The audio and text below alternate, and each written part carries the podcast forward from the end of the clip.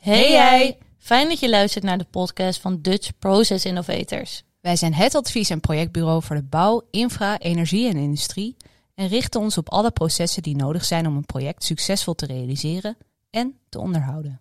Zodat veiligheid, mobiliteit en kwaliteit van leven in Nederland toeneemt.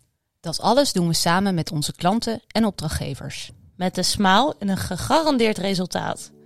Want die dynamiek is de motor voor succes. Maar er komt het moment dat elk klein kind van vijf weet dat een kunstwerk niet in een museum hangt, maar dat dat gewoon buiten staat. En, als, en als je ouders niet alleen in dan, de la- ja, ja. precies. En als je ouders vragen, dek de tafel, dat ze dan eh, een. eh, RW-bestek Ja. erbij pakken. Vandaag zit ik aan tafel met aanstormend talent in de bouwsector. Gedreven, creatieve, maar ook realistische en oplossingsgerichte sprekers. Duizend poten met leiderschapspotentieel en met een duidelijke visie op de toekomst van de bouwsector. Dat zijn namelijk de criteria waar je aan moet voldoen om geselecteerd te worden als Cobouw Jong Talent. Welkom, Nienke. Yes. Welkom Emiel. Hallo. En welkom Feline. hey, Mag ik jou wel weer Pien noemen, Pien? vooruit. Nog Fijn. een keertje. Dankjewel.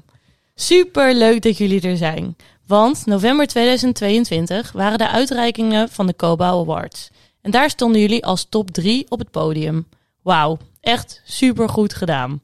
Vandaag gaan we er verder op in. Jullie visie op de toekomst op het gebied van diversiteit, digitalisering en duurzaamheid. We starten met het begin. Want de vraag is ook, waarom werken jullie eigenlijk in de bouw? Nienke, waarom Eh, werk je eigenlijk? Waarom werk In ik de bouw. eigenlijk in de bouw? Eh, ja, goede vraag. Ehm, het was niet eh, mijn aangeboren passie. Dus niet vanaf kleins af aan dat ik hiermee bezig was. Ik kwam er eigenlijk vrij laat mee. Ik heb eigenlijk pas tijdens de, ehm, eh, hoe heet dat, in de vijfde klas, dat je met zo'n studiebegeleider op pad gaat. Oh ja. Ehm, daar eigenlijk pas de bouw ontdekt. Ik ken dit gewoon niet. En het is een beetje onbemind. Niet in je familie ja, of... onbekend maakt onbemind. Nee. Oh, dus eh, nou, toen ben ik naar een open dag geweest. En toen eh, was ik eigenlijk meteen verkocht. Nice. En wat maakt dan dat je meteen verkocht bent? Ik zie Emiel een beetje lachen. Pien ook trouwens. Ja, gewoon die, je denkt nooit na als je eh, met je ouders in de auto zit en je rijdt onder een viaduct door of over een weg of langs een gebouw. Nou, dat is er. Het punt. Ja. Ehm, maar pas als je, Je, je weet gaat. niet eens hoe het heet, waarschijnlijk. Nee, nee, ook dat niet. Kunstwerk? Hoe bedoel je Kunstwerk. Zijn toch niet in een museum? Ja, precies dat. Ehm, nee, maar pas als je dan echt gaat kijken van, joh, hoe wordt dat gemaakt? En een keer naar een bouwplaats toe gaat en eh, kijkt hoe dat voorbereid wordt en uitgetekend en uitgerekend. ehm, dan ga je eigenlijk pas over nadenken. En dan, ja, het is een beetje toys and boys normaal. eh, kijk even naar jou. Maar eh, als je die grote machines ziet, eh, hoe die dat doen, ja, dat, ja, je moet natuurlijk wel een beetje techniek leuk vinden. Maar Ja. dan, dan denk je echt, oh gaaf, hier wil ik meer van weten. Ja, gaaf. Emiel, af en toe Toys and Boys. Toen keek eh, Nienke naar jou. Herken je dat? Of waarom werk jij eigenlijk in de bouw? Eh, ja, eigenlijk werk ik dus niet echt meer in de bouw. Oké. Eh, maar ik, ben, ik wist al wel altijd dat ik iets in de techniekhoek wou, wou doen. ja. En ik ben eigenlijk via studie in Delft uh, werktuigbouw bachelor eh, en civiele techniek waterbouw eh, master eh, wel in, een beetje in die hoek ge- gekomen. Ja. Ehm, ja, ik vond die switch naar civiel, omdat het toch wel inderdaad de grote machines en de grote projecten, dat vond ik wel echt tof. Ehm, maar iets wat ik ook altijd al wel gaaf vond, was energietransitie en wat dat nou ja, eigenlijk gaat brengen. Ja. Ehm, en dus ik ben via een afstudeerproject eigenlijk van civiel in, eh, in energie eh, gerold. Ja. Dat ging toen over verduurzaming van eh, gemalen. En kan je die ook laten malen als het waait? En is dat dan goed voor de energietransitie? Of wil je misschien zelfs wel een zonnepark of een windmolen naast je gemaal zetten? ja. En via het afstudeerproject bij Witteveen en Bos ben ik dus eigenlijk van die civiel en de energietransitie gerold. En dat is eigenlijk ook wel toevallig het verhaal van Witteveen en Bos, hoe zij een beetje energietransitie eh, gerold zijn. Want we zijn een ingenieurs- en adviesbureau, eh, traditioneel in de civiele sector, dus eh, weg- en waterbouw en ook gebouwde omgeving, bouwprojecten, daar doen we nou of ontwerpwerk of advieswerk voor. Ja. En eigenlijk in al die sectoren waar wij actief zijn, is nu ook energietransitie een onderwerp. En zijn dat eerst kleine groepjes die zich daarin zijn gaan verdiepen van wat betekent nou, energietransitie voor eh, mobiliteit en infrastructuur? Wat betekent het voor, eh, voor waterschappen? Wat betekent het voor infraprojecten? Ja, precies. En eh, ja, zo zijn er dus allemaal groepjes opgepopt. En ik zit in, in een van die groepjes. Dat was in de gebouwde omgeving. En dat was toen een groep van vijf man, vijf jaar, zes jaar geleden. En nu Zo. zijn we met z'n vijftigen en doen we energietransitie. Dus dat is wel heel tof. Ja, en ook fijn dat je al een soort van definitie geeft aan de energietransitie. Want hebben het vaak over containerbegrip. En hoe ziet jouw container dan uit? Dus jouw container ziet eruit met een. eh, zullen we dat eens opschrijven? Ja, eh, kijk, energietransitie eh, is natuurlijk een hele grote opgave. En denken heel veel mensen aan zonne- en windmolens. Ja. Maar gewoon, er is ook gewoon een ja, transitie, of je het nou energietransitie of klimaattransitie of bouwtransitie noemt. Maar we moeten gewoon met z'n allen verduurzamen, ook in de, Ja, in de bouwsector. eh, en eh, dat vind ik op zich wel leuk. Witteveen en Bos heeft dan nu een eh, nieuw klimaatbeleid waarin we zeggen van in 2040 moeten alle projecten die wij, eh, ja, waar wij aan meewerken, waar we voor ontwerpen, moeten gewoon klimaatneutraal opgeleverd oh, worden. kijk. En dat betekent dus ook dat alle ja, echt civiele eh, groepen moeten gaan nadenken over... hey, wij gebruiken staal, wij gebruiken beton. Hoe ga ik ervoor zorgen dat ik straks klimaatneutraal ontwerpen kan opleveren? Dus dat is wel echt wel tof. Ja, helder. Eh Nienke en Pien, ik zag jullie mooi eh, meeknikken met Emiel. Ehm, laten we eerst even bij het begin beginnen, want je, we hebben het over, al over de energietransitie, maar we gaan eerst nog even kijken naar de achtergrond. Eh Pien, ehm, waarom werk jij eigenlijk in de bouw? Ik ben eigenlijk de bouw ingerold eh één week van tevoren. Dat ik dacht, hé, hey, ik ga civiel doen. Want eh, ik vind het toch wel leuk om, eh, om iets in elkaar te zetten. Om eh, bruggen te bouwen. Dat wist ik dan nog wel net te noemen. Ja, Eh, vroeger altijd met Lego bezig geweest. Hutten bouwen. ehm, maar ook heel veel aan het tekenen. Ah. En dat trok me initieel ook aan aan civiel. Dat je ook nog wat op papier kon zetten. Eh, een soort van eh, tussen kunst en werk. Precies, en, maar wel heel erg conceptueel. En nou, vorige week sprak ik een klant en die zei: Goh, wel leuk wat jullie in Delft hebben geleerd. Heel erg conceptueel denken. En ik kan alleen maar heel praktisch denken. En ik zei: Nou, ik ben jaloers op jou. Ja, Ik zou o zo graag gewoon een buis in de grond willen leggen en daar goed in zijn. Ik zou o zo graag iets willen, in elkaar willen timmeren. Hij zei: Waarom doe je dat dan niet gewoon? Ik zei: Nou ja, Zeggen, je kan morgen beginnen hoor. ja.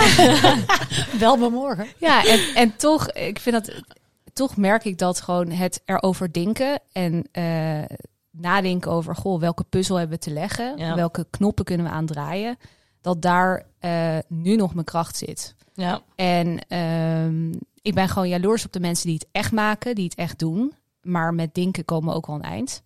Ehm, en de laatste jaren, moet ik zeggen, lukt dat eh, doen ook steeds beter. Omdat je gewoon steeds meer gevoel krijgt bij eh, nou ja, waar het om draait en hoe het in elkaar zit. Ja. En wat minder terughoudend eh, bent. Ja, en als we het hebben over echt doen en aannemerij, Nienke, kijk gelijk naar Ja. jou. Want jij werkt nu bij Van de Biggelaar. We hebben net gehoord eh, van Emiel, Wittevingenbos, energietransitie. Waar hou jij je voornamelijk mee bezig? Ehm, ja, ik heb dus altijd bij een aannemer gewerkt. Hè. Ik heb eerst eh, negen jaar bij eh, Van Hattem en Blankenvoort gewerkt. Dus ook echt een aannemer in de civiele betonbouw. En nu Ja. bij Van de Biggelaar grond- en waterbouw. Ehm, er zit veel raakvlak tussen die bedrijven. Maar het zijn in ieder geval beide aannemers eh, die het echt buiten doen. Ik ben nu eh, dus eh, directeur, dus dan doe ik niet zoveel. Hè, Wat zei je? Wat zei je? Wat doe jij? Ben jij bouwvrouw van volgend jaar? Wie weet, wie weet. Ehm, nou ja, ik, ik, ik doe eigenlijk van alles. Ik heb hiervoor heel veel tendermanagement gedaan. Dus zit je echt aan de voorkant van het traject. Of Ja. ja. dat noemen aannemers dan de voorkant. Want eh, Ja, ingenieursbureaus, overheden, die zijn er dan al jaren mee bezig. ja, Als het bij de aannemer binnenkomt, is de tender de voorkant. ja, precies. Want dat is wel grappig, want eh Emiel, jij werkt dan bij Wittevingenbos. Jij dan bij Van de Biggelaar en DP en ik natuurlijk bij eh dus Process Innovators. Maar zijn jullie elkaar wel eens tegengekomen in het vakgebied? Want je hebt het over de voorkant en over... eh Zo vaak. ingenieursdiensten. Ja? Ja, eh, Ah, ja. kijk, eh, Van Hattem en Blankenvoort die eh, ehm, heeft een eigen engineeringsbureau, maar vaak zit Witteveen en Bos bij de klant. Ja, Soms worden ze ook ingehuurd door bijvoorbeeld Volker Wessels van Hattem en Blankenvoort. ja, Ehm, nou, bij Van de Biggelaar hetzelfde. We zijn nu met een aanbesteding bezig waar wij Witteveen en Bos ingehuurd hebben. oh ja. Vervolgens gaan we een MV-plan schrijven, huren we vaak weer pro- Ja, precies, bijvoorbeeld. Of een Ja. andere partij. Ja, precies. Ehm, maar ze kunnen ook bij de concurrent zitten. Dat Ja. geldt voor zowel nou, de, de MV-schrijvers als de engineeringsbureaus, maar ook bij de klant. Dus je komt ze op, hoe dan ook kom je elkaar altijd tegen. ja, precies. Nee, het is wel grappig eigenlijk. Ik denk dat wij alle drie wel aan hetzelfde soort werk gewerkt hebben. Namelijk grote infraprojecten, tenders schrijven, grote gemaalrenovaties. Hoe ga je daar nou een winnend plan voor maken uh, qua ontwerp en hoe ga je het uitvoeren? En uh, ik vind het wel leuk dat steeds meer, uh, dus niet alleen maar is van hoe maak je het beste ontwerp, dat gewoon, maar zeggen, goed ontwerp is ook echt heel belangrijk. Hè? Ja. maar de overheid kan heel erg met goede ENVRI-criteria sturen op ik wil iets hebben dat duurzaam is. Of ik wil iets hebben dat klimaatadaptief is. En ik vind het wel tof dat ze nou ja, daar maar gebruik van maken. En dat uh, nou, wij als uh, toch slimme koppen proberen daar ook goed op in te spelen in zo'n tender en in een ontwerp. Ja, helder. En de vraag is dan altijd wel hoeveel ruimte je nog hebt. Op het moment dat iets op de markt komt, is natuurlijk al heel veel bedacht. Er is ook heel veel nog niet bedacht. Ja. En de vraag is altijd nog, joh, wat is de speelruimte waar je nog echt het verschil kan maken op duurzaamheid of op slim ontwerpen of uh, uh, wat dan ook. Ja, want um, nou, de klimaatadaptie en duurzaamheid zijn nu al meermaals aan het bod gekomen. Maar um, Pien, wat zie jij nog meer als uitdaging binnen het vakgebied? Ha. Ah. Digitalisering. Oh ja? en diversiteit. Oh. Nee, even uh, zonder dolle. Ik denk klimaatadaptatie is echt het uh, meest, ja, meest voorkomend thema uh, nu in, Ja. in, nou, in mijn werk dan. Um, maar als je kijkt naar het vraagstuk uh, uh, nou, arbeidstekort, of hoe heet het, tekort op de arbeidsmarkt. Ja. En uh, tegelijkertijd de steeds prangende vraag om een diverser bestand aan medewerkers, aan mensen. Ja. Dan denk ik dat diversiteit wel een onderwerp is, uh, voor, een uitdaging voor nu. En Was wat is divers dan? Want uh, soms hebben mensen blond haar, bruin haar. Nou, ook dat. Oh. Nee, maar ik, uh, nou, eigenlijk, uh, ik zie afgelopen weken artikelen op de COBA of publicaties van, nou, is zoveel symposium geweest of kennisdeling. En dan zie ik over het algemeen niets ten nadele van de blanke man, Ja, maar alleen maar mannen Ja. die ook al enige leeftijd bereikt hebben. ja. Nou, fijn dat je er als jonge vent bij zit, uh, Emiel. Ja. En Ping, om terug te komen op je vraag. We hadden het net, uh, jij vroeg, wat is je vraag ook alweer? We hadden het over uitdagingen. En uh, Nieke, jij wilde wat zeggen? Ja, diversiteit is wat dat betreft best wel breed. Kijk, het gaat natuurlijk over man-vrouw is vaak het eerste waar je aan denkt bij diversiteit. En um, ik denk dat vooral bij de aannemers het aantal vrouwen heel beperkt is. Um, Ja. Maar het Ja. gaat ook over de combinatie van uh, jong talent met uh, nou, wat meer ouder, om maar zo te zeggen, Ja. en ervaren medewerkers. Uh, vooral buiten echt de cao'ers hebben we heel veel oude, ervaren mensen, maar weinig jonge aanwas die het een beetje van elkaar kunnen leren. Ja, Uh, maar ook qua multiculturele samenleving zit in de aannemerij nou niet echt een afspiegeling van Nederland, vind ik. nee. Um, En niet in de, vind ik, de hogere segmenten, zeg maar. daar zeker niet. Echt niet. Ja. Um, dus het is niet alleen man-vrouw. Het is een beetje, het is echt wel breder dan dat. Het is um, ja, echt gewoon die, die afspiegeling van de samenleving. Dus ook qua leeftijd, qua um, ja, culturen. Ja, Ja, ik denk ook wel echt dat het, uh, dat het echt belangrijk is. Want als je merkt dat je in een project zit wat wel gewoon een divers projectteam is, dan merk je ook dat iedereen ja, gewoon andere invalshoeken heeft en dat het echt een project verder kan helpen. Dus als je met tien gasten zit die allemaal hetzelfde denken en Ja. dezelfde opleiding hebben gedaan, dan ga je ook alleen maar tien keer met hetzelfde idee komen. Dat brengt je project dus ook gewoon niet verder. Dus ja ik denk dat dat echt wel, uh, wel belangrijk is. Ja. En, en iets wat ik wel benieuwd ben, wat ik aan jullie wou vragen over diversiteit is... Hè, bij Witte Bos hebben we nu recent uh, in, in ieder geval mijn groep een reshuffle gedaan. En we hebben nu een nieuw groepje energiesysteemstudies. En we zitten dus met, uh, ik geloof, acht tot tien gasten en geen vrouw. Oh, En dat is best wel, ja, ik vind het wel stom. Dus Ja. ik heb ook gezegd van, ja, eigenlijk moeten we gaan zorgen dat we een vrouw of vrouwen in ons team krijgen. ja. Um, Goed, er zijn intern wel een paar vrouwen op dit thema, maar die zitten in andere groepen. Dus zou je vacature moeten gaan zetten. Maar zou je nou een vacature kunnen zetten waar je bewust zegt van ik zoek een vrouw? Of komt dat dan juist heel stom over? Of hoe, hoe laat me zeggen, zo, zo, zet je een vacature Ja, voor? Eigenlijk wil ik een vrouw in mijn team. Emiel, wat is de reden dat jij graag een vrouw in het team wil hebben?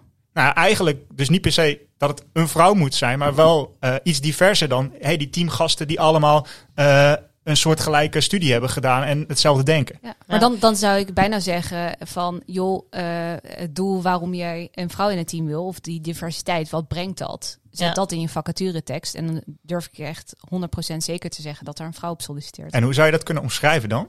Ja, dat is een goeie. Kijk, ik ben het tegen een Welkom soort bij de van podcast positieve vacature schrijven. discriminatie. Oh, ik ben jij wilde... echt tegen positieve discriminatie. Ja, Als je zegt ook. van, joh, een bedrijf, Ja. we moeten hem quoten, dan moet Ja. nu die functie een vrouw. Nee. Ja. Elke vrouw die er gaat komen, denkt iedereen, oh ja, ze zit er omdat ze vrouw is. Ja. Maar zou- wel dat je je- iemand op zijn kunnen moet ehm, Beoordelen. beoordelen. Eh, maar je kan wel inderdaad zeggen van, joh, we zijn al met die mensen.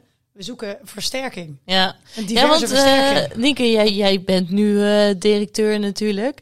Hoe zou jij zo'n vacature plaatsen? Dan Want zijn jullie ook echt op zoek naar meer vrouwen? Of? Nou, ik ben al drie eh, hele weken directeur, dus ik heb Precies. heel lang over nagedacht. Ik kan er een hele goede visie op geven.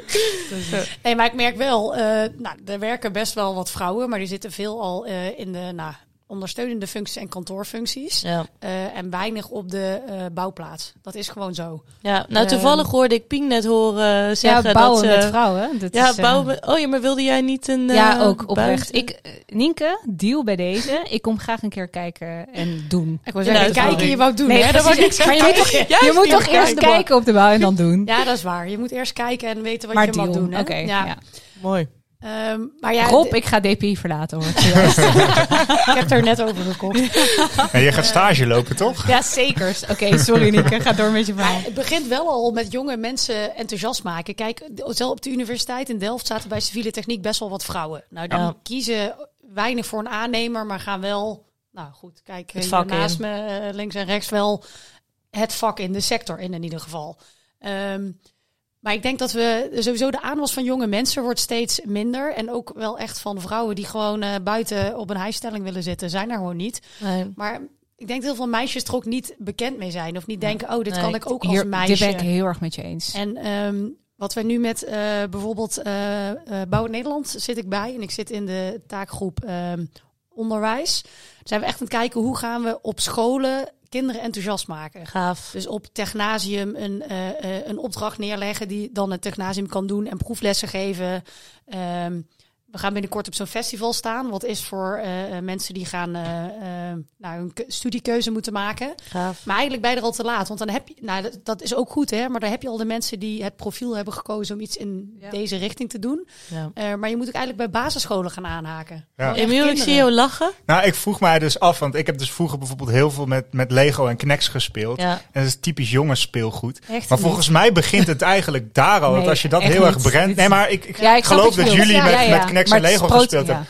Maar begint het niet eigenlijk daar al dat dat, dat soort technisch speelgoed heel erg als jongens speelgoed gebrand wordt? En Ja, als je dat ik- ja. wat meer los zou laten, dat het dan misschien al daar al goed gaat in die preselectie voor de technieksector? Of is dat een ja, beetje te ver Te gedacht? ver gedacht. Ja, ik, nou, juist niet. Ja. Weet ik niet. Wat ik me wel afvraag is van, goh, hoe zou de wereld er dan over een aantal jaar uitzien? Want je ziet dat, eh, dat gender Ja. in general, zeg maar, wat minder uitmaakt, gaat maken. Eh, Ja. de komende jaren. Dat verwacht ik wel met de nieuwe generatie. Ja, Mhm. Maar de vraag is van hoe ver zijpelt dat door met eh, speel ik wel of niet met een pop of met Knex? Of, en daarnaast, we gaan steeds digitaler werken.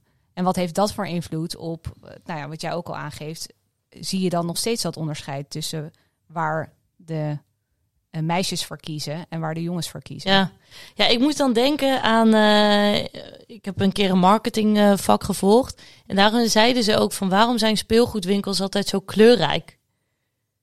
Waarom zijn speelgoedwinkels eigenlijk zo kleurrijk? Om juist kinderen naar binnen te lokken. En dat, die, dat ze tegen hun ouders zeggen: Ja, dit wil ik hebben, want het heeft mooie kleurtjes, et cetera. En daarbij is het natuurlijk ook met Lego en, en dat soort dingen. Vaak is het dan blauw of rood. En voor de eh, meisjes is alles dan roze. En als je het dan hebt over de verandering, zo. Kijk, je wil niet een, een, eh, een speelgoedwinkel grijs gaan maken en alle Lego-blokjes stomme, stomme kleuren, weet je wel. Maar als je het hebt over echt verandering, dan denk ik, ik ben best wel benieuwd hoe zo'n speelgoedwinkel er dan over, weet ik veel, twintig jaar uitziet. Snap je wat ik bedoel? Ja, je hebt Niet dus bijvoorbeeld al bijna geen roze eh, Lego en Knex. Dat is Nee. eigenlijk al gek, hè? Want roze voor meisjes en daarmee Ja. dus Ja. en Lego. ja, je hebt wel Lego voor meisjes, maar dat is dan vaak met van die prinsesjes. En dan gaat Ja. het over welke jurkje heeft het poppetje En aan. En je dus. minder over hoe bouw ik nou het vetste kasteel, weet je weet wel. jij dat goed, Emiel? Nee. Hoe bouw je Dus, nou eh, echt een goede kademuur voor je kasteel? Ja. Ja. Dat wil je eigenlijk inderdaad. gewoon, ja. Alright, maar als we het dan hebben over uitdagingen binnen je vakgebied. Emiel, jij hebt het al meerdere keren gehad over klimaat, adaptie en duurzaamheid. Maar wat, wat zie jij echt als, wat is jouw aanpak op eh, zowel of op, op diversiteit, digitalisering of duurzaamheid? Waar hou jij je mee bezig en welke impact wil je maken? Eh, ja, Eh goede vraag, dank je. Ehm, kijk, ik denk dat een uitdaging is die ehm, nou ja, voor energietransitie wel speelt, is een stukje integraliteit.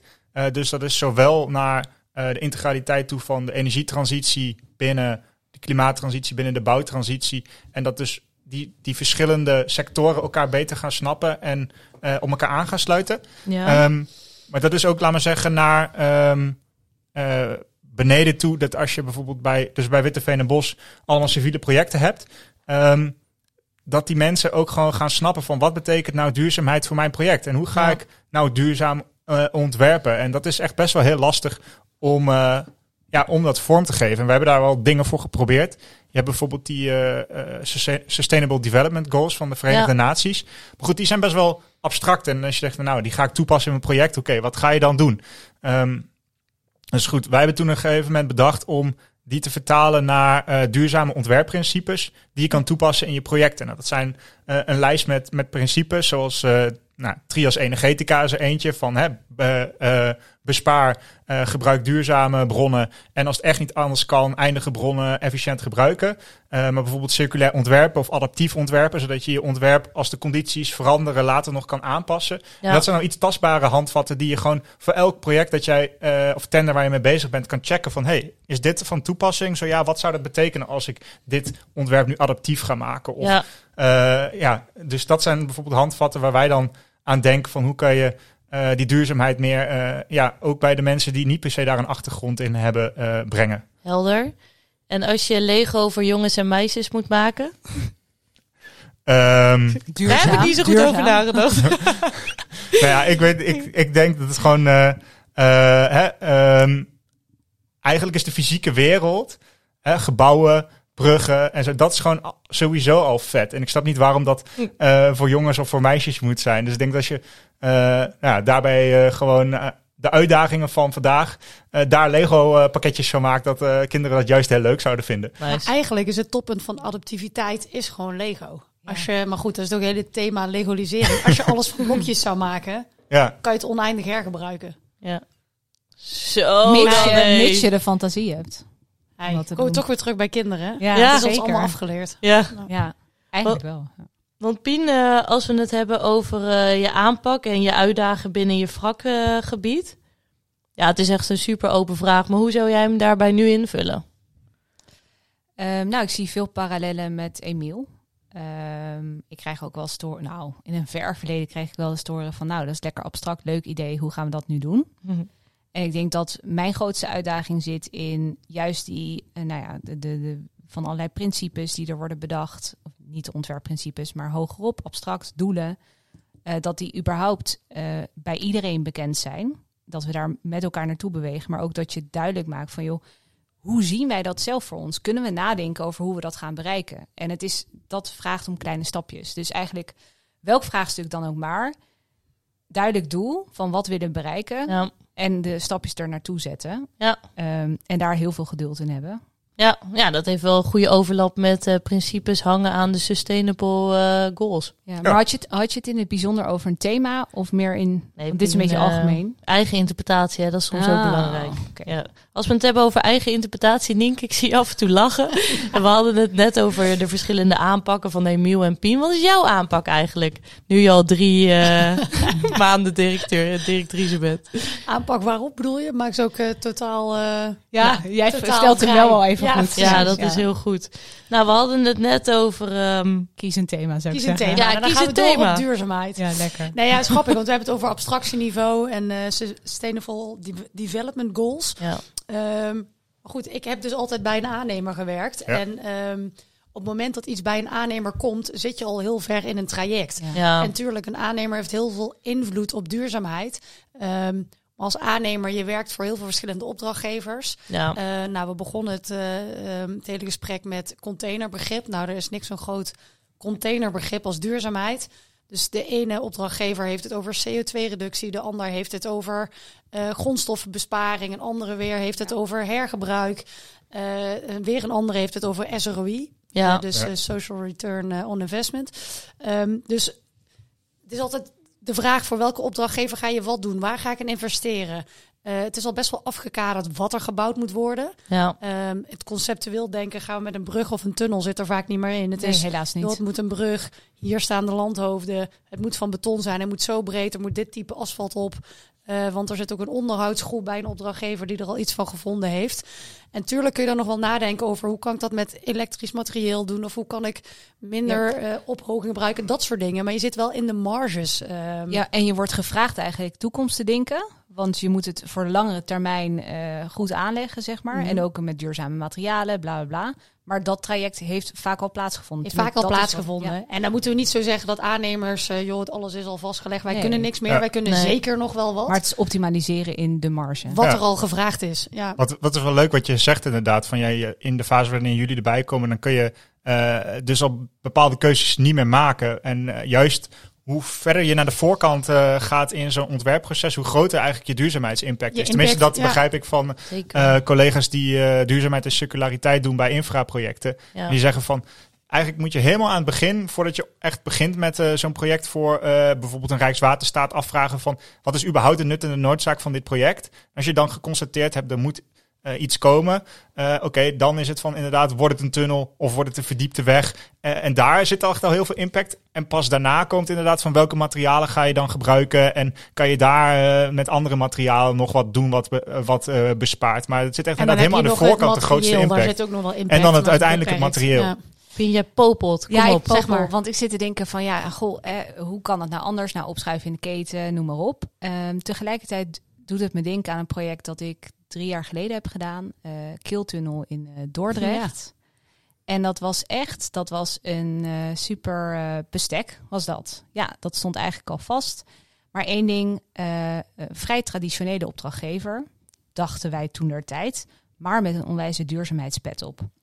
En ik weet nog dat we in de aanbesteding dachten, nou, zoveel ligt al vast. Welk verschil gaan we hier maken? Nou, dames en heren, luisteraars, ik daag jullie uit. Ga naar die keeltunnel in Dordrecht. Kijk naar wel betalen. Het is de Ja, nee, je moet blijven betaalde staan. tunnel in Nederland. Klopt, maar je, heel eh, precies inderdaad, enige. Maar eh rijd tot aan het tolplein, draai dan om. Sorry, eh beste. nee, maar echt, je ook nog een beetje geld te verdienen. dat is, dat is een, een eh, echt een A, weet ik veel hoeveel plus eh, op duurzaamheidsgebied. En dat was een bouwteam. En in het bouwteam is er nog zoveel gebeurd, zoveel overlegd, zoveel geschroefd en geschaafd aan een bestek. Ja. Dat in de ogen van de opdrachtgever toen de tijd voor 80% vaststond ja. dat in de ogen van de opdrachtnemer geen verdere potentie had dan nou ja, eh, wat ze dachten te realiseren. En toch is het gelukt. Dus het kan wel, maar er is ook heel veel bij komen kijken. Maar ik, ja, ik, hoe noem je dat? De indruk die ik krijg is, we ehm, halen eigenlijk alle inspiratie en energie uit zo'n vraagstuk op het moment dat je weet, ik heb niet meer te kiezen. Ik bevind me in heel, heel korte mar- marges. Ik kan alleen nog maar investeren. Ik word geforceerd te investeren in iets wat minimale impact heeft. ja. Maar Ja. waarmee ik wel de inschrijving win. Ja. Nou Maar goed, het is wel een voorbeeld van een renovatie van een tunnel die er al was. En ten eerste eh, moet je je afvragen, moet daar een tunnel komen? Eh, Ja, maar dat was ook een beetje wat Emiel net zei. Van dat je echt aan de voor, voor, voorkant al na Ja. gaat denken. Is het überhaupt nut en noodzaak om dit project Ja. op de Ja. markt te brengen? Maar daar zitten dan misschien toch wel iets meer. Nou, ja, bijvoorbeeld wij van Witte en Bos zitten inderdaad soms samen met de aannemers erna te denken hoe vu- vullen we die tender in. Maar soms ook met Rijkswaterstaat en hoe stellen we die tender überhaupt op. En dan kan je inderdaad nadenken over de nut en noodzaak van zo'n project. ja. En hoe ver ga je hem al afbaken? Ga je al zeggen het moet een tunnel worden of een eh, verdiepte weg? Eh, of laat je dat ook nog vrij? Eh, en hoe- ik denk wel dat als je meer vrijheid geeft in aanbestedingen, dat je veel meer innovatie en creativiteit vanuit de aannemerij juist kan verwachten. ja. Maar het is ook spannend, want je weet Echt niet wat je krijgt. Ja, Ja. en dat heeft ook een aanlooproute nodig. Want wij Ja. moeten ook uit een bepaald systeem stappen van... hé, hey, we hebben de vrijheid om na te denken, om creatief te zijn. En hoe kijk je ernaar als... Ik bedoel, de wereld wordt steeds... of nou, Nederland wordt steeds eh, dicht bebouwder. Ja. Ehm, we hebben een groot vervangingsvraagstuk. Eh, zie je dan voor je dat je alles in eerste instantie... Oh, niet alles, maar een bepaald object in eerste instantie sloopt... en dan eh, helemaal opnieuw functioneel bouwt? Of hoe zie je dat dan voor je? Wil je duurzaamheid eh, vergroten? Ja, ik denk ook hergebruik dat wel een optie is. Wij hebben volgens mij uh, twee jaar terug een brug gedaan. En die brug die, uh, heeft gewoon een heel wegdek, een heel brug hè, bewegen, opklaarbare brug, gewoon een andere brug gewoon hergebruikt. Ja, dat kan wel als je maar creatief bent en je opdrachtgever dat toelaat. Kom ook weer terug bij Lego. Uh, ja. Nou ja, van de Rotterdam Blankenvoort heeft ja, een, ja. Uh, een brug uit Lego blokjes gemaakt die volledig te demonteren is. Met het idee, uh, wordt vaak gevraagd, 100 jaar levensduur. Maar als je kijkt naar alle bruggen in Nederland, niks, nou niks. Heel veel dingen liggen er niet 100 jaar. En dat komt omdat de behoefte verandert. Dus er komt oh, ergens een nieuwe woonwijk of hij moet breder of er komt zwaarder verkeer overheen. Dus er is een brug neergelegd van joh, hij moet minimaal 100 jaar. Ja. Maar na 30 jaar denken we, oh, hij moet eigenlijk toch anders, breder, langer, ergens anders verplaatst. Dus vanuit die gedachte um, is een ontwerp gemaakt van uh, de circulaire brug. Van joh, als we hem nou blokjes maken, ja. dan kun je hem altijd verplaatsen, verleggen. Um, alleen kom je dan weer met het hele vermarkten. Ga je hem leasen? Van ja. wie is die brug? Ja, Ga je hem verkopen? Dat is inderdaad ook. Ja. Dus van waarom bestaat dan vraagstukken kijken? alles uit een blokje? Maar Weet business, je wel? Er zitten natuurlijk ook heel veel Het consequenties is een vast. andere business case. Ja. En die businessmodellen eh, eh, verschuiven ook heel erg. Dat, eh, hoe heet het? Op de Sterke Lekdijk ook zie je dat ook. Dat ze moeten helemaal nadenken over nieuwe financiële modellen. Omdat de scope door innovatie wordt kleiner in plaats Ja. van groter. En hoe ga je daar dan mee om? En ik moet zeggen, Ja. als ik dan puur naar aannemers kijk, de creativiteit in het dingen verzinnen, Ja. geniaal, oneindig. Alleen business cases Ja. uitrollen en neerzetten. Oh jongens, Iets ik heb minder. gewerkt aan die renovatie van die afsluitdijk samen met eh Bam en Van Oort. En ik zat in het brainstorm team voor duurzaamheid. En we hebben echt super vette ideeën bedacht. En het, eh, die, die, die afsluitdijk die moest eh energie-neutraal worden. Dus wij dachten, oh, we kunnen energie opwekken met hè, de stroming. Nou, zoet zout en met de stroming door de afsluitdijk heen. En uiteindelijk was het van ja.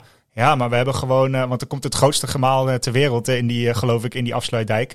Ja, we hebben hem zo gemaakt dat hij bijna nooit aan hoeft, dus hij kost ook geen energie. Dat is ook een oplossing. Oké, Ja. ja. Ja. Dat is best Zeker een oplossing. S, ja, je stak je hand op. Ja, we Dus- gaan zo eh, richting de afronding. Ik zou nog uren met jullie willen praten. Gaan we zo denk ik nog wel ook even doen, hè. Maar ehm, wat willen jullie nou nog meegeven? Dus kies zelf een thema op basis van diversiteit, digitalisering of duurzaamheid. Emiel, jij gaat het lekker doen over diversiteit of diversiteit. Nee.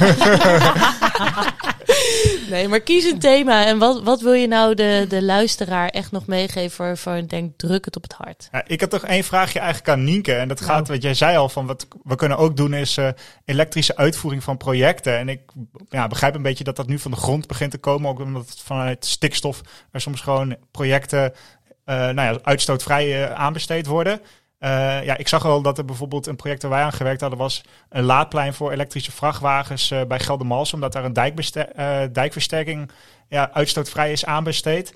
Ehm, ja, is dit er al? Zijn er echt, echt van alle soorten materieel al uitstootvrije eh, dingen verkrijgbaar? En, en ga je dat dan de komende twee jaar gewoon komen omdat die aanbesteding het vragen? Hoe, hoe zie jij dat? Ik dacht dat je zei, ga je het kopen? Ik zei, Nee, ja, ga ja, je ga het sowieso kopen? kopen. Ik koop helemaal niks. ik koop helemaal niks. Eh, nou ja, elektrisch materieel komt er veel meer aan. Maar je hebt gewoon nog niet alles elektrisch. Niet alles heeft gewoon Nee. het vermogen eh, eh, om te elektrificeren. Ja. En daarnaast heb je ook nog wel veel dat er nu wel elektrisch materieel is, maar dat de accu's vervolgens met een aggregaat opgeladen moeten worden. Ja. Eh, dus er is. Je eh, verplaatst Ja, het probleem. Ja, dat vond ik dus wel vet aan dat project wat ik net eh, eh, noemde. Dat was eh, dus bij, bij Geldermalsen. Daar zit een dijkversterking en daar Mhm. hebben ze een oude afvalberg. En op die afvalberg ligt een zonnepark en een windpark van Betuwewind. En Mhm. bij dat eh, zonnepark is dus dat laadplein gerealiseerd. En het is op rijafstand van het, eh, van het daadwerkelijke project waar het, eh, die dijkversterkingen uitgevoerd worden. Dus gewoon tijdens de lunch rijdt dat graafmaterieel hup, daar Ja. naartoe. En dan gaat het aan de stekker voor een uurtje en dan gaan ze Maar dan heb je een verder. groot project. Ik bedoel, als wij nu op een project zitten en ik kom daar vier weken, gaan er helaas geen zonnepanelen en een eh, Nee, molen klopt. aangelegd worden. Maar de elektrificering het komt steeds meer. Hè. Er kan steeds meer, maar er kan nog niet alles. En het opladen is gewoon een probleem. Om Ja. genoeg vermogen om accu's op plekken op te laden. En je bent vaak ook op plekken bezig waar niet alles voorhand is. Gewoon eigenlijk gewoon niks.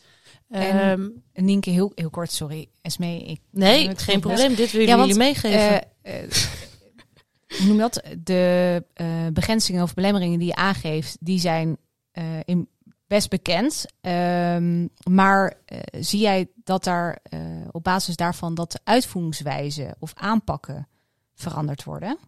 Dus dat je bijvoorbeeld eh, niet, je weet, een type materieelstuk is niet geëlektrificeerd beschikbaar. Maar als we nou deze scope van het werk op een andere manier aanvliegen, kunnen we het wel aanpakken met kleiner materieel bijvoorbeeld. Zie je dat gebeuren? Eh, Dat ligt een beetje aan de uitvraag. Kijk, als je Ja. echt kan, scoren op duurzaamheid. Kijk, in die end eh, eh, zijn we ook gewoon een aannemer en moet je eens Mhm. indienen richting een klant. En de combinatie van prijs en kwaliteit ga je het werk mee winnen. Ja. Ja. Eh, en als er in de kwaliteitsuitvraag echt om duurzaamheid gevraagd wordt. eh, en niet alleen over materiaal, maar ook echt over hoe je het gaat bouwen met type materieel. Ga je een optimum zoeken. En als dat Ja, betekent precies. dat je in plaats van één grote graafmachine twee kleine elektrische gaat inzetten en daardoor een goed plan kan neerzetten, eh, dan ga je daarover nadenken, ja. Ja. Maar het is wel nog steeds, het is duurder, het is nog niet allemaal voorhanden. Je moet gaan investeren in materieel eh, die niet door elke opdrachtgever gevraagd, gewaardeerd of betaald wordt. Eh, dus je moet ook een stukje vanuit eigen visie denken, ik ga dit doen. Ja, en waar ga je dan in, ja, en waar ga je dan in investeren? Ja. Ehm, Wat kunnen opdrachtgevers, maar ook anderen doen binnen deze branche om aannemers te helpen, te ondersteunen hierin? Nou, ik vind wel, eh, als je zegt ik wil iets duurzaam, vind ik ook dat je moet betalen voor de kosten die dat met zich meebrengt. Hm. Ehm, Voor wat hoort wat. ja, als jij zegt, joh, ik wil geen uitstoot in de binnenstad, dus een eh, bepaald materieel is eh, een tientje of twintig euro duurder in het uur. Ja, dat is dan zo. Ja, maar het vragen, het moet zo goedkoop mogelijk en zo duurzaam mogelijk, dat vind ik altijd een moeilijke Balans. Balans. Ik zei ja, als je dan een, een visie en een ambitie hebt, dan moet de aannemer een stukje investeren en de opdrachtgever een stukje investeren. En wat mogen opdrachtgevers vragen van de aannemer? Eh, creativiteit, eh, kennis, branchekennis. Dus wat is er voorhanden, wat kun je? Ehm, meedenken. En ook wel een stukje investering. Kijk, je gaat niet een materieel stuk voor één werk aanschaffen. Dus je mag ook wel wat van een aannemer verwachten, maar niet eh, alles. ja, toch? Ja, je moet het samen doen Nee, uiteindelijk. ja, nee, Ja. eens. eh, Daarom, Ja, die daarom. Weet je, waar dubbeltje Ja. op de eerste rij zitten, vind ik altijd zo, ja, dat is leuk. Ja, Ja, maar, maar aan de andere kant weten we wel dat uitstoot vrij de toekomst is. En eh, ik hoop wel dat, die, dat als die stikstofcrisis de bouw iets brengt, is dat eh, versnelde verduurzaming van eh, het, laat maar zeggen, eh, het wagenpark en eh, bouwmaterieel, eh, als het dat kan brengen komende paar jaar, het zou wel heel tof zijn. Ja. Realistisch en met tempo. Ja, Ja. Alright, dus als we het nu hebben, we zijn, hè, goede vraag trouwens, Emiel. Ehm, over de afronding, over diversiteit, digitaling of duurzaamheid. Ik weet dat het voor jullie een uitdaging is, maar gewoon een goede pakkende eindzin, weet je wel, dat iedereen denkt, oh, dat is echt een lekker eind. Ehm Piem? ik dacht echt, you better not. Ja, de uitdaging in het vakgebied, hè? Oké, kan je hem nog één keer halen? Wat wil je weten? Oké, for it. Nee, diversiteit. Ik vind dat echt hoor. Eh, want uiteindelijk, diver, als we diverser zijn met elkaar, worden we ook gewoon duurzamer en beter in digitalisering. Ja, Ik vind gewoon alle jongens, meisjes en alles daartussenin, ga gewoon iets Lego met techniek doen. doen. Ga, alleen- ga met Lego spelen. Laat je inspireren en eh, ga de eh, sector in.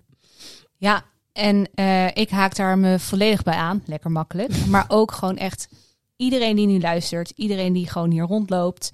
eh, denk bij jezelf na, wat kan ik doen om de, wereld, om de bouwwereld diverser te maken? En dat start van kleins af aan, maar ook gewoon vandaag de dag. mooi Piem. En Inke. Emiel? Jij ook bedankt.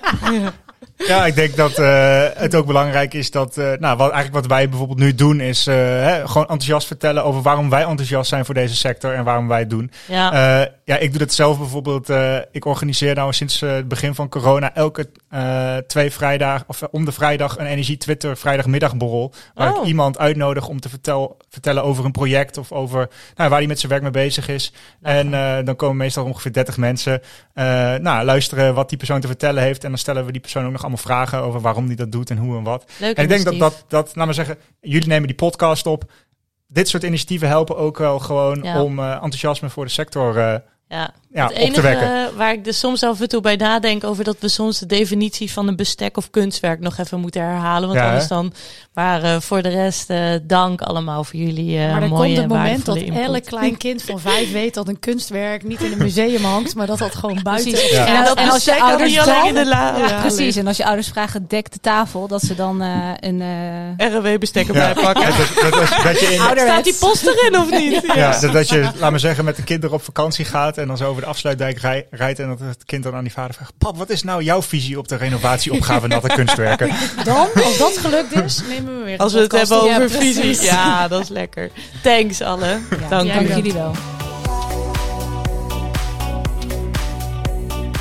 Dynamiek in Techniek is een podcast van Dutch Process Innovators. De andere afleveringen van dit seizoen en van het vorige seizoen, Ludiek in Techniek, zijn terug te luisteren via Spotify en onze website www.dpi.nu. Wij danken onze gastsprekers voor de fijne en interessante gesprekken. Lieve Kronen en Natasja Ooms voor het monteren van al het opnamemateriaal. En tot slot onze collega's van DPI voor de eindredactie.